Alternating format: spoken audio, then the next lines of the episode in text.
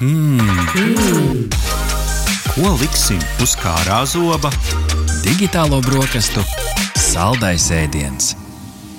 Labrīt, klausītāji! Sveicam jūs atpakaļ pie digitālo brokastu galda. Mākslīgā intelekta lietošana kļūst par aizvien nozīmīgāku mūzikas industrijas sastāvdaļu. Ar mākslīgā intelekta atbalstu ir iespējams radīt jaunas melodijas, dziesmu tekstus un pat atdarināt vai radīt nedzirdētus mūzikas stilus un dziedātāju balsis. Bet kāds ietekmē mūzikas industriju un mūsu klausītājus? Vai mākslīgais intelekts var aizstāt cilvēku radošumu un māksliniecisko izteiksmi? Un kādas ir mākslīgā intelekta ētiskās un juridiskās problēmas mūzikas jomā. To mums šīs dienas raidījumā palīdzēs noskaidrot Rudolfs Budze, mūziķis, producents, DJ un dziesmu autors. Esiet sveicināti! Labrīt, labrīt Rudolf! Un šodien arī mums būs iemetīsim kādu kripatiņu no sarunas ar Davidu Viljamu Hernu, britu producentu, kurš, sapcīt, piedalījās nesenajā tekčula formā. Mums bija tā iespēja viņu noķert uz pāris vārdiem. Kaut ko no šīs sarunas arī izvilksim, lai padarītu šodienas sarunu krāsaināku. Taču, Rudolf, kā tu kopumā vērtētu mākslīgā intelekta ienākšanu mūzikā? Cik ļoti un vai Un cik ļoti tas ir skāris un ietekmējis tavu darbu un ikdienu, tas ir šeit un tagad, vai tas joprojām ir kaut kas uz priekšu, perspektīvā? Tas pat nav ne šeit un tagad, tas jau ir pirms kāda laika ienācis. Jo par mūziku, ja runājam, mums ir jāskatās uz divām patiesībā atsevišķām lietām. Viena ir mūzikas apstrāde un viss, kas saistīts ar mūzikas ierakstiem un ierakstu procesu. Otrs, kas ir saistīts ar komponēšanu, tieši mūzikas dziesmu, skaņdarbu radīšanu. Un, ja mēs runājam par tehniskajām lietām, kas ir saistītas ar skaņas apstrādi, ierakstiem un tādām lietām, tas jau tiek izmantots ļoti aktīvi. Ja mēs uzreiz runājam par piemēriem, es jau uzreiz varu jums pat nosaukt, kas tas ir. Es pats izmantoju tādu servisu, kas saucas Lander, un šis servis ir ļoti daudz arī līdzīgi. Ir kā lai pasakā, mākslīgais intelekts, kurš veids skaņas gala apstrādi, jeb tā saucamo masteringu. Tātad, ja tev ir ierakstīta dziesma, tev ir viss samiksēts, tad tas pirmais process ir noslēdzies, tad to gala apstrādi tu iedod šim servisam, ielādē savu failu, savu ierakstu, un tas analizē. Kā tev skan, pēc tam pielāgo risinājumus un dod tev izvēlēties, vai tu gribi, lai skan šādi, šādi, šādi. Pie tam vēl viņam var iedot, viņam tam ir, var iedot viņai? referenci. Nē, nē, nu tomēr uh, viņš, viņš viņa ir par dzīvām būtnēm, kā man latviešu valodā mācīja. Līdz ar to tu tam vari iedot arī kādu paraugu, kā referenci, piemēram, es pieļauju, ka mēs droši vien pieskarsimies arī The Weekend un Dreika tematam, tad tu iedod, piemēram, Dreika dziesmu, bet kā skaņas paraugu, un tad tas var mēģināt to izdarīt. Un patiesībā, uh, ja mēs runājam arī par to, vai mākslīgais intelekts atņems profesijas, tad mhm. šī jau ir pilnīgi nopietna konkurence tā saucamajiem masteringa inženieriem, kas nodarbojas agrāk. Tā bija nopietna lieta, par ko tu maksā nu, vidēji, teiksim, mūsdienu tirgu ap 200 eiro par vienas dziesmas gala skaņas apstrādi, bet šobrīd tu to servisu vari abonēt teiksim, par 1,5 kas ir standarta cena - 7,99 eiro mēnesī. Un viss tik vienkārši, tas cilvēciskais pieskāriens vairs nav kā faktors vispār šajā procesā? Nē, nē, nu, protams, ka ir. Mm -hmm. nu, Tu arī, tad, kad tu ielādē šo dziesmu, šo ierakstu, precīzāk sakot, tu klausies, kas tev arī labāk patīk, kas atbilst. Nu, būsim reāli, tas tomēr ir robots. Un, nu, tā. Bet, ja mēs salīdzinām, ko dara šis robots un ko dara dzīves cilvēks, protams, tas nevienmēr būs nu, tik izsmalcināta lieta, jo tomēr tas cilvēciskais pieskāriens ir. Jā, bet eh, tas katrā ziņā samazina budžetu un izmaksas. Katrā ziņā tas, eh, es varu tikai angliski pateikt, eh, kā latviešu saka, barrier of entry. Attiecīgi, ielas latiņa. Ielas latiņa. Ielas latiņa katrā ziņā finansiāli ir tiešām samazinājusies, mm -hmm. lai tu varētu radīt puslīdz kvalitatīvus mūzikas mm. ierakstus. Kas izklausās labi kopumā. Kas var piedalīties tirgū, teiksim mm -hmm. tā, kas ir atkal Tikai anglicisms nāk prātā. Market ready. Nu, tā tad tirgumu gatavi. Jā. Jā. Ausīm gatavi. Pirms Jā. mēs uh, pieķeramies arī tam, ko Deivids domā par uh, šiem instrumentiem, kas palīdz uh, mūziķiem un producentiem un arī citiem mūzikas in- industrijā darbojušiem, tad vēlreiz saliekam pa plauktiņiem. Tātad viena daļa mākslīgā intelekta strādā uz to radīšanu, otra uz apstrādi, ja tā vienkāršoti. Kas varbūt ir vēl kaut kāds veids, varbūt tas, kas nav šobrīd, bet varētu būt nākotnē, kur, kur arī mākslīgais intelekts var ielikt savu Kur tā vārdu vērtību? radīšana, piemēram, vārdi un, un noskaņas. Tas jau ir. Es domāju, mēs par to arī parunāsim vēlāk, kad Noteikti, mēs jā. paklausīsimies uh, skaņas klipu. Uh, Vēl kas ir interesanti, ja tu esi tāds, kā lai pasaka, neatkarīgais mūziķis, uh, kurš dara visu pats, tad vēl viens interesants tūlis pat ir, ka tu vari um, māksliniecisko noformējumu singlam pateikt. Tu vari pa- patiesībā uzrakstīt, es gribu cilvēku, kurš staigā pa pļāvu saulainā dienā, lai tas būtu kaut kādā mākslas formā. Picasso vai Salvadora Dalī stilā. Un patiesībā tas uh, mākslīgais intelekts to uzģenerēs. Man pat bija atzīmēts Dalī. Jā, Mhm. jā, Izklausās Tas ir vēl viens no vizuālais. vizuālajiem ģeneratoriem, mākslīgā intelektā. Labi, tad droši vien paklausīsimies arī, ko Deivids Viljams Hēns saka par aktuāliem mākslīgā intelekta rīkiem, ko producenti un mūziķi izmanto. Yeah, I mean, so music creation, there's, like I said, there's se- several different aspects to it. There's Mūzikas radīšana, kā jau teicu, tam ir dažādi aspekti. Ir algoritmiskas kompozīcijas, kuras var radīt, ja nemaldos, ar rīku, ko sauc par AIVA. Tas ir servis, kas burtiski radīs mūziku priekš tevis. Tu iegūsi MIDI mūzikas failu, kuru var pēc tam pielāgot un uz tā pamata radīt tālāko skaņdarbu. Ampere ir vēl viens servis, kas to dara. Tas ir īpaši noderīgi, kad radi mūziku video failēm kā fona mūziku. Priekš YouTube video tas ir izcils servis. Ir ļoti interesanti spraudņi, jeb plugins, kas izmanto mākslīgo intelektu, lai miksētu un apstrādātu gabalu. Tie var izanalizēt frekvences, lai pēc tam ieteiktu, piemēram, ka vajag samazināt bungu skaļumu. Tie sniedz vadlīnijas un dažkārt pat spēj to izdarīt tavā vietā. Ļoti interesants pielietojums mākslīgajam intelektam ir muzikālo gabalu dekonstruēšanā. Econ Digital ir labs rīks, akustikal, ar kuru var sadalīt dziesmu pa celiņiem. Piemēram, var noņemt dziesmai vokālu, noņemt bungas un izmantot citādāk. Tas rada jaunas iespējas sample veidošanā. Un, protams, pašas ķēdes beigās ir Lando, ar kuru var apstrādāt dziesmu ar mākslīgo intelektu, lai dziesma izklausītos daudz garšīgāka un gatavāka priekš radiofrekvencēm. and then, of course, at the very end of the, the chain, you've got Lando doing great things with mastering with AI. So you can kind of get your music sounding a bit more beefy and radio ready. Jā, nu redz, kā arī, arī viņš pieminēja jau, piemin, jau šo te tevis minēto uh, rīku, kas, kas nodarbojas ar pēcapstrādi. Ko tu varbūt vēl pievienot šim mākslīgā intelekta darbināto rīku sarakstam? Uh, un tieši parunājot par Latviju, vai Latvijā, nu, teiksim, bez tevis uh, daudzi producenti izmanto šos rīkus, vai visi mēs visi apmēram vienā līmenī, vai tomēr tas vēl tikai ienāk pie mums? Nu, to daudz pieminēto lēndru, es zinu, ka daudz izmanto. Jā. Um, es vēl izmantoju, tas varbūt ne tik ļoti ir saistīts ar mūzikas producēšanu, bet uh, Adobe patiesībā ir uh, šis te rīks, kas saucas Speech Enhancer. Mm -hmm. Ja jūs zināt, mm -hmm. var ierunāt telefonā, ja, patiesībā jebkurā ieraksta ierīcē, jebkādas kvalitātes balsi. Un viņš to padarīs eh, podkāstu kvalitātē. Mm -hmm. Un es patiesībā, vien, man ir reāls stāsts. Es vienreiz izlīdu nu jā, no sarežģītas situācijas, jo man bija jātaisa viena reklāma. Nu, ar to mēs arī skaņas pasaulē nodarbojamies, ka tev ir korporatīvie pasūtījumi. Un man bija pašam gan jāierunā, gan jāapstrādā.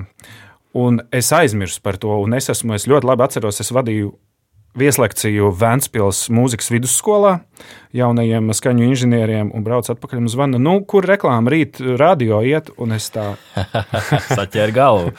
un es stāvu Vēncpils autoostā, paņemu savu telefonu, putniņu šīvina fonā. Nolasu ar vienu piegājienu visu tekstu. Tur esiet sveicināti. Pies... uz. Jā, piesakieties jaunajam pasākumam.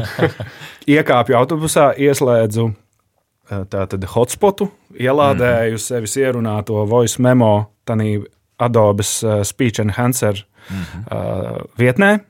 Atpakaļ lejuplādēju, uzliku savus ierbadus, savas austiņas un klēpī uztaisīju pa ceļam no Vēncpils uz Rīgu. Un viss radio skan tā reklāmā. skaidrs. Vēl viens interesants jautājums, ko mēs vaicājām Davidam, ir par to vilinājumu būt efektīvākiem un vai šīs efektivitātes medībās mēs nepazaudēsim to radošumu, kas ir neatņemama mūzikas sastāvdaļa. Klausāmies! Temptation is the word, right? I think that's been the case in music production and music and songwriting. You know, there's always been lazy music out there in the sense of. Vilinājums ir atslēgvārds, un to esam novērojuši gan mūzikas producēšanā, gan dziesmu rakstīšanā. Vienmēr ir pastāvējusi slinka mūzika. Runājot ļoti atklāti ar jums, es varu paņemt ģitāru un piecās minūtēs radīt ļoti slinku popdziesmu. Tas nav diezko grūti. Sarežģītība parādās, kad patiešām gribi radīt kaut ko jaunu ar mākslīgā intelekta rīkiem. Mēs to redzam dažādās mākslas izpausmēs ar tādiem rīkiem kā Midjourney un Doll-E, kuros var ierakstīt to, ko grib ieraudzīt, un tie uzbūrs attēlu. Tas ir apbrīnojami, taču tas ir kaut kas tāds, ko spēj jebkurš. Tas nepieprasa spējas. Līdz ar to mākslinieki meklē veidus, kā rīkus iesaistīt radošajā procesā. Cilvēki pēc būtības ir radoši. Mēs esam tādi kopš laika sākuma. Mākslīgais intelekts ir vēl viens rīks, taču praktiski jebkurā industrijā tu vari pātrināt savu darba izpildi ar mākslīgo intelektu. Tas gan automātiski neaizstāja cilvēkus. It īpaši radošajās industrijās, kur ir vajadzība un vēlme pēc radošiem un oriģināliem cilvēkiem. Cilvēki vienmēr augs pēc tā. Protams, jau ilgu laiku ir bijis iespējams radīt slinku mūziku. Mākslīgais intelekts to nemaina. Būs tie, kas būs ļoti vilināti radīt hitu, numur viens dziesmu, vai cilvēku uz to reaģēs. Dziesmas radīšana prasa daudz ko vairāk kā vienkārši skaņas un bīti. Tajā ir daudz emocijas, daudz personības un daudz stāstu aizkulisēs.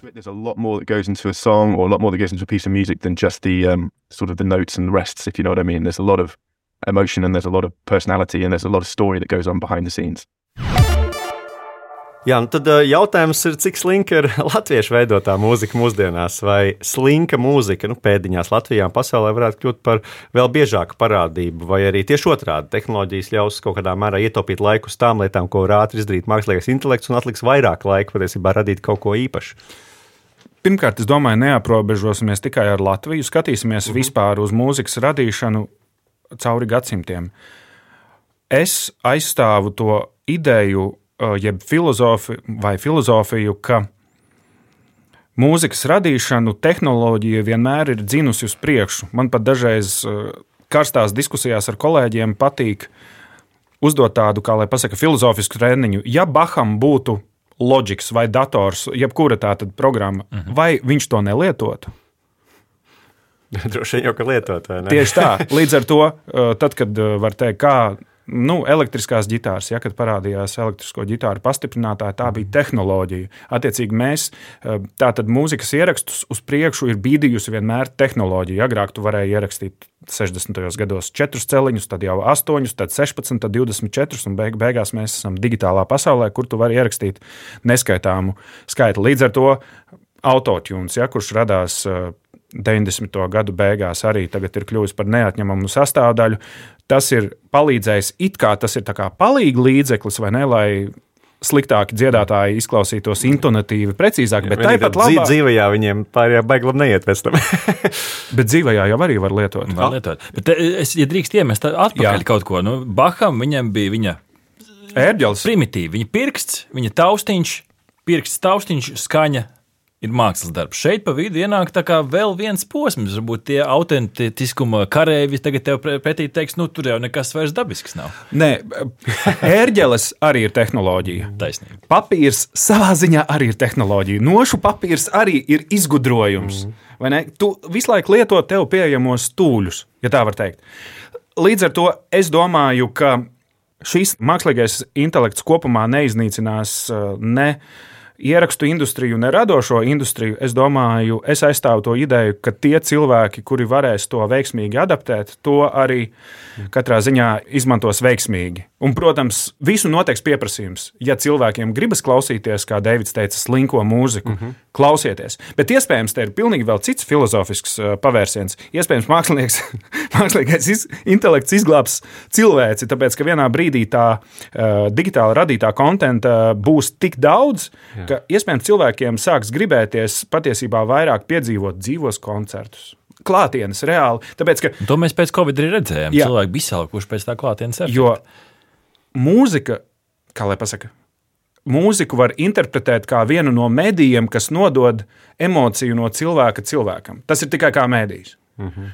Kā tas tiek radīts, vienmēr tehnoloģija to ir bīdījusi, bet, ja tu nonāc dzīvajā, es nedomāju, ka cilvēki gribēs iet uz mākslīgā intelekta DJ setiem vai uz skatīties uz ekrāniem. Varbūt kā performance, bet tomēr tā saikne, tā cilvēciskā saikne ir ļoti svarīga. Kādas emocijas tu izjūti, kad tu dzirdēji mums jau pieminēto Drake Weekend AI miksu Heart on My Sleeve? Šobrīd mēs neatskaņosim, gan pagājušajā vai aizpagājušajā raidījumā arī varēja pie mums dzirdēt, taču Ko tu nodomāji un cik daudz varbūt šajā skaņdarbā tu jau kā profesionāls saklausīji kaut kādus nu, šablonus, ja varētu tā teikt?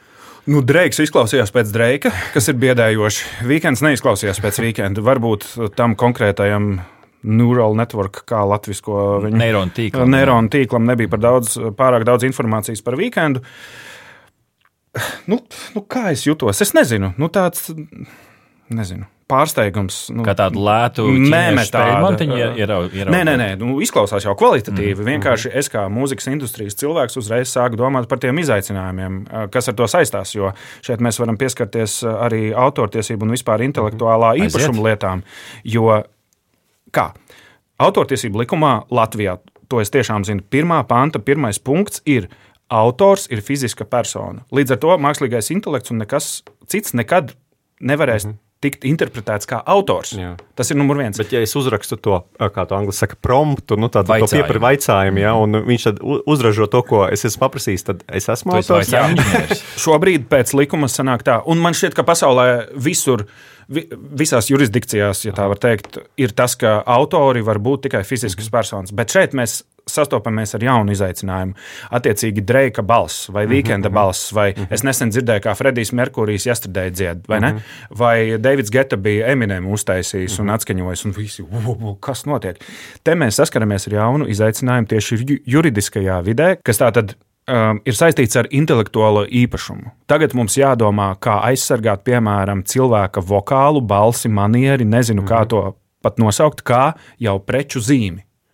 Piemēram, mana balss, vai jūsu balss, vai Dreika balss, vai Dona balss, vai Aminatas balss, pēc būtības ir jāsāk domāt juristiem, kā to padarīt Būs aizsargājumu. jātaisa balss banka, lai pēc tam varētu pierādīt, ka tā ir manējā. Nu, darbiņš skaņu speciālistiem un, un programmētājiem. jo Es, es Juristiem noteikti juristiem arī, noteikti. Katram noteikti ir kaut kāds viņa balss skanējums, kuru var uh, ierakstīt un, un piefiksēt. Vai šīs bailes varbūt ir iemesls tam, ka Spotify, piemēram, paziņoja, ka viņi ir izņēmuši tur vairākus tūkstošus mākslīgā intelekta? ko esot tīrījuši. Jā, jā, dziesmu laukā Es no saviem dzirdēji, bet uh, Jā, jā, protams. Mm. Nu, es esmu ļoti mm. iesaistīts šajā visā. Nu, kā, nu, tas ir savā ziņā, tas ir vēl, es domāju, neeksistējošu likumu jau pārkāpums. Mm -hmm. nu, attiecīgi, līdzīgi kā ir ar plaģiātismu, nu, tu nedrīksti ievietot kādu skaņdarbu digitālās traumēšanas servisos, ar- caur kuriem tu gūsti peļņu, kas tev nepieder. Attiecīgi, nu, vajadzētu būt likumam, kurš regulētu, ka tu nedrīksti ievietot straumēšanas servisos materiālu, kurš principā, nu, kā lai pasakā, jā, balss nepieder tev. Mm -hmm. Es nezinu pat, kā to citādāk mm -hmm. formulēt. Jā, nu, tagad, tojoties noslēgumam mūsu sarunai, varbūt ieskatāmies tajā kristāla bumbā, paskatāmies uz nākotni. Kādas tendences mūzikas industrijas turpmāk attīstībā saistībā ar mākslīgo intelektu varam sagaidīt tuvākā un tālākā nākotnē, tavuprāt? Es domāju, cilvēki, nu, radošie cilvēki noteikti lietos šīs lietas. Līdz ar to, tā, nu, kā dators ir ienācis arī mūzikas radīšanā, mēs vēl aizmirsām. Pieminēt, man bija divas programmas, kas saucas Lyrics Studio un Melodiju Studio. Ir arī tādas programmas, kas tev palīdz uzrakstīt melodiju, vai pa, palīdz teiksim, no vienas rindas, palīdz izdomāt rīmes un ā, tādas lietas. Un tāpat jau tas prompta ievadītājs būs tas autors, un tie cilvēki, kas to mācīs efektīvi izmantot, varēs radīt. Jautājums vienmēr būs pēc pieprasījuma. Un vēl es atcerējos tādu lietu. Savulaik grupai Queen uz pirmajiem albumiem laikam bija tāds ļoti lepns uzraksts, ka šie ieraksti ir veidoti neizmantojot sintezatorus. Mm -hmm. Varbūt ar laiku būs tā, ka būs jau atkal kaut kāda nodalīšana, ka mēs varēsim rakstīt uz vāciņiem vai nu, Zelta digitālajām stīga. eh, Pati, vāciņiem. patiesi akustisks. Nē, nē, vai vienalga. Šis ieraksts ir radīts neizmantojot mākslīgo intelektu, un tas Jā. varbūt būs Tā Kaut kāds pārdošanas kaut kāds. Jā, zīmols, jā. tikai pārdošana. Uzreiz, nu, tie, tie, kas ir tie autentiskumi karēji, viņiem ir uzreiz. Bet redziet, pirms 40 gadiem bija pret sintēzatoriem, un tagad ir pret. Bet beig beigās Queen tāpat visu ar simtiņiem darīja. Esam turpat. Jā. Iedod ā, varbūt ā, ieskatu tiem, kas ir šo noklausījušies un domā, o, pāris eiro mēnesī man būs vārdi, man būs skaņa. Visas programmas ir pierakstījuši, aiziet lecam, tā teikt, zirgā. Pirmais jautājums, vai bez muzikālās izglītības varēs iztikt? Ja jāatbild vienkārši, jā, varēs iztikt, bet tas, ka tev būs muzikālā izglītība, tas noteikti jā. nāks Ļoti palīdzīgā. labi. Jo muzikāla izjūta arī noteikti vajadzēs. Nē, nu kaut kā, kā- nu tāpēc, ka viena lieta ir primitīvi radīt skaņu, otrs ir tad, kad tu zini, nezinu, gammas, harmoniju, mūzikas teoriju, vispār tas tev ir bagāžā. Tu, mm -hmm. tu vari pats to ģenerēto lietu, pats pat rediģēt. Mm -hmm. Un uh, varbūt ir kāds uh, padoms, teiksim, tas, kurš tagad ķerās pie tiem mākslīgā intelekta rīkiem, nu, ar ko sākt un, un vai sākt, uh, kas ir Bet tas tomēr varbūt, klasiskais ceļš pagaidām ir, ir, ir, ir pareizais. Nevis ar mākslīgu intelektu rīkiem, bet tomēr tā iz- izglītība, tomēr ar, programmām darbs. Ko tu ieteiktu vairāk, kurā virzienā iet? Mākslīgo intelektu radošajā procesā es šobrīd raksturotu kā ļoti prasmīgu kolēģi. -hmm. Iedomājies, ja tu esi iesācējis un tu nonāc vienā istabā ar Edu Šīranu, un tu, jums ir uzdevums uzrakstīt kopā dziesmu. Un, ja tu neesi Šīrana līmenī, viņš pateiks, nu, labi, ja tu gribi tur trīs akordus, tur trīs skaņas, nu, labi, šī tā. Bet tāpat brīdī, ja tu vari viņam iedot pasiku, uzrakstam šādu, tādu noskaņu izmantojumu, varbūt interesantāku gamu, tad tā būs tā kā sadarbība. Patiesībā tas mākslīgais intelekts jāuztver kā tāds ļoti, ļoti prasmīgs kolēģis. Skaidrs. Uh, nu, li liels paldies! Uh, mums ar citu ar Arti jāatgādina, ka digitāla brokastu podkāstu platformās drīzumā parādīsies arī pilnais ieraksts ar producentu Davidu Viljamu Hēnu oriģinālā valodā. Nu, ja gribat dzirdēt vairāk arī viņa viedokli par uh, mākslīgo intelektu lomu mūzikā, tad uh, Jā, noklausieties. tas arī noteikti būs pieejams, bet par priekšu noteikti šī sērija visās podkāstu platformās, un mēs ā, par to sakām lielu paldies Rudolfam Budzem. Paldies, ka sagatavojies, paldies, ka atradi laiku. Ā, Labprāt, ā, priecāsimies tevi satikt vēl kādu reizi, jo es ā, pilnā pārliecībā ticu, ka mākslīgais intelekts ir šeit uz palikšanu. Tikai jautājums, kā mēs to pielietosim un kādas interesantas ā, formas ā, nāks ārā. Kurš uzvarēs Eirovīzijā, tavuprāt? Lorīna Zviedrija. Pierakstiet. Sēdien klausamies un skatāmies. Paldies! Paldies jums! Aha! Paldies, ka noklausījāties mūsu līdz galam! Ja patika, uzspied laiku, atstāj komentāru vai padalies ar draugiem. Un nobauda arī citas epizodes, kā arī seko mums, lai nepalaistu garām savu ikdienas tehnoloģiju ziņu devumu.